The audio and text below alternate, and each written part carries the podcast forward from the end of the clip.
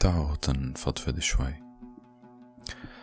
كنت عم فكر إنه ليش نحنا كأشخاص منفكر دايما بال بالشي اللي بيوجعنا أكتر من الشي اللي بيبسطنا.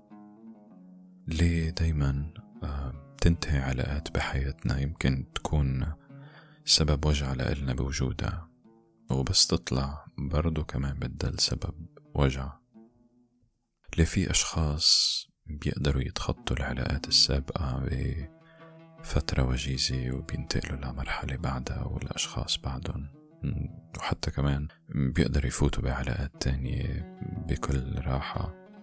أو خلينا نقول آه، كحد أدنى عندهم قابلية لأنهم يفوتوا بعلاقة ويعطوا عواطف لأشخاص تانيين.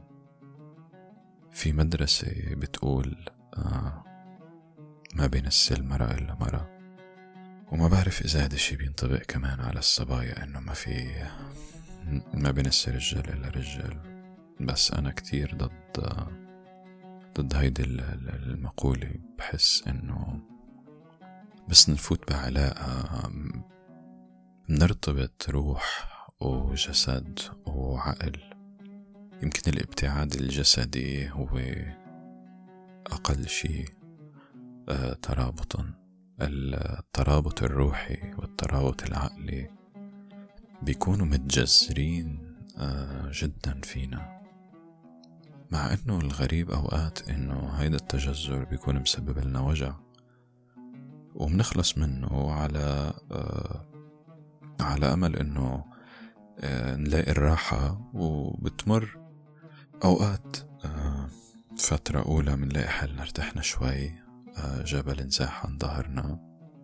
ولكن بعد فترة تتراوح طبعا بين شخص وآخر.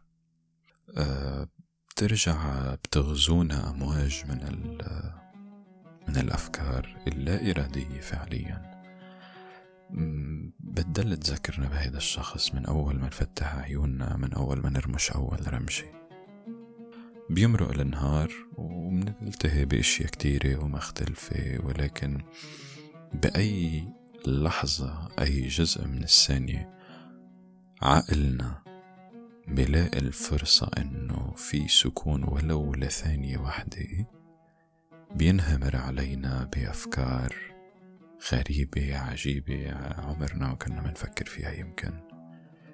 أه تهجم علينا ذكريات تفاصيل صور آه، روايح عطور آه، أماكن آه، طعمات أشياء مختلفة بعمرنا ما كنا مفكرين إنه عقلنا الباطن كان عم بسجلها أو ممكن نتذكرها أو ممكن نرجع نستعيدها. طبعا طولت الحديث كانت فضفضة آخر ليل أكيد رح نفضفض بأشياء تانية مرة تانية مع بعض.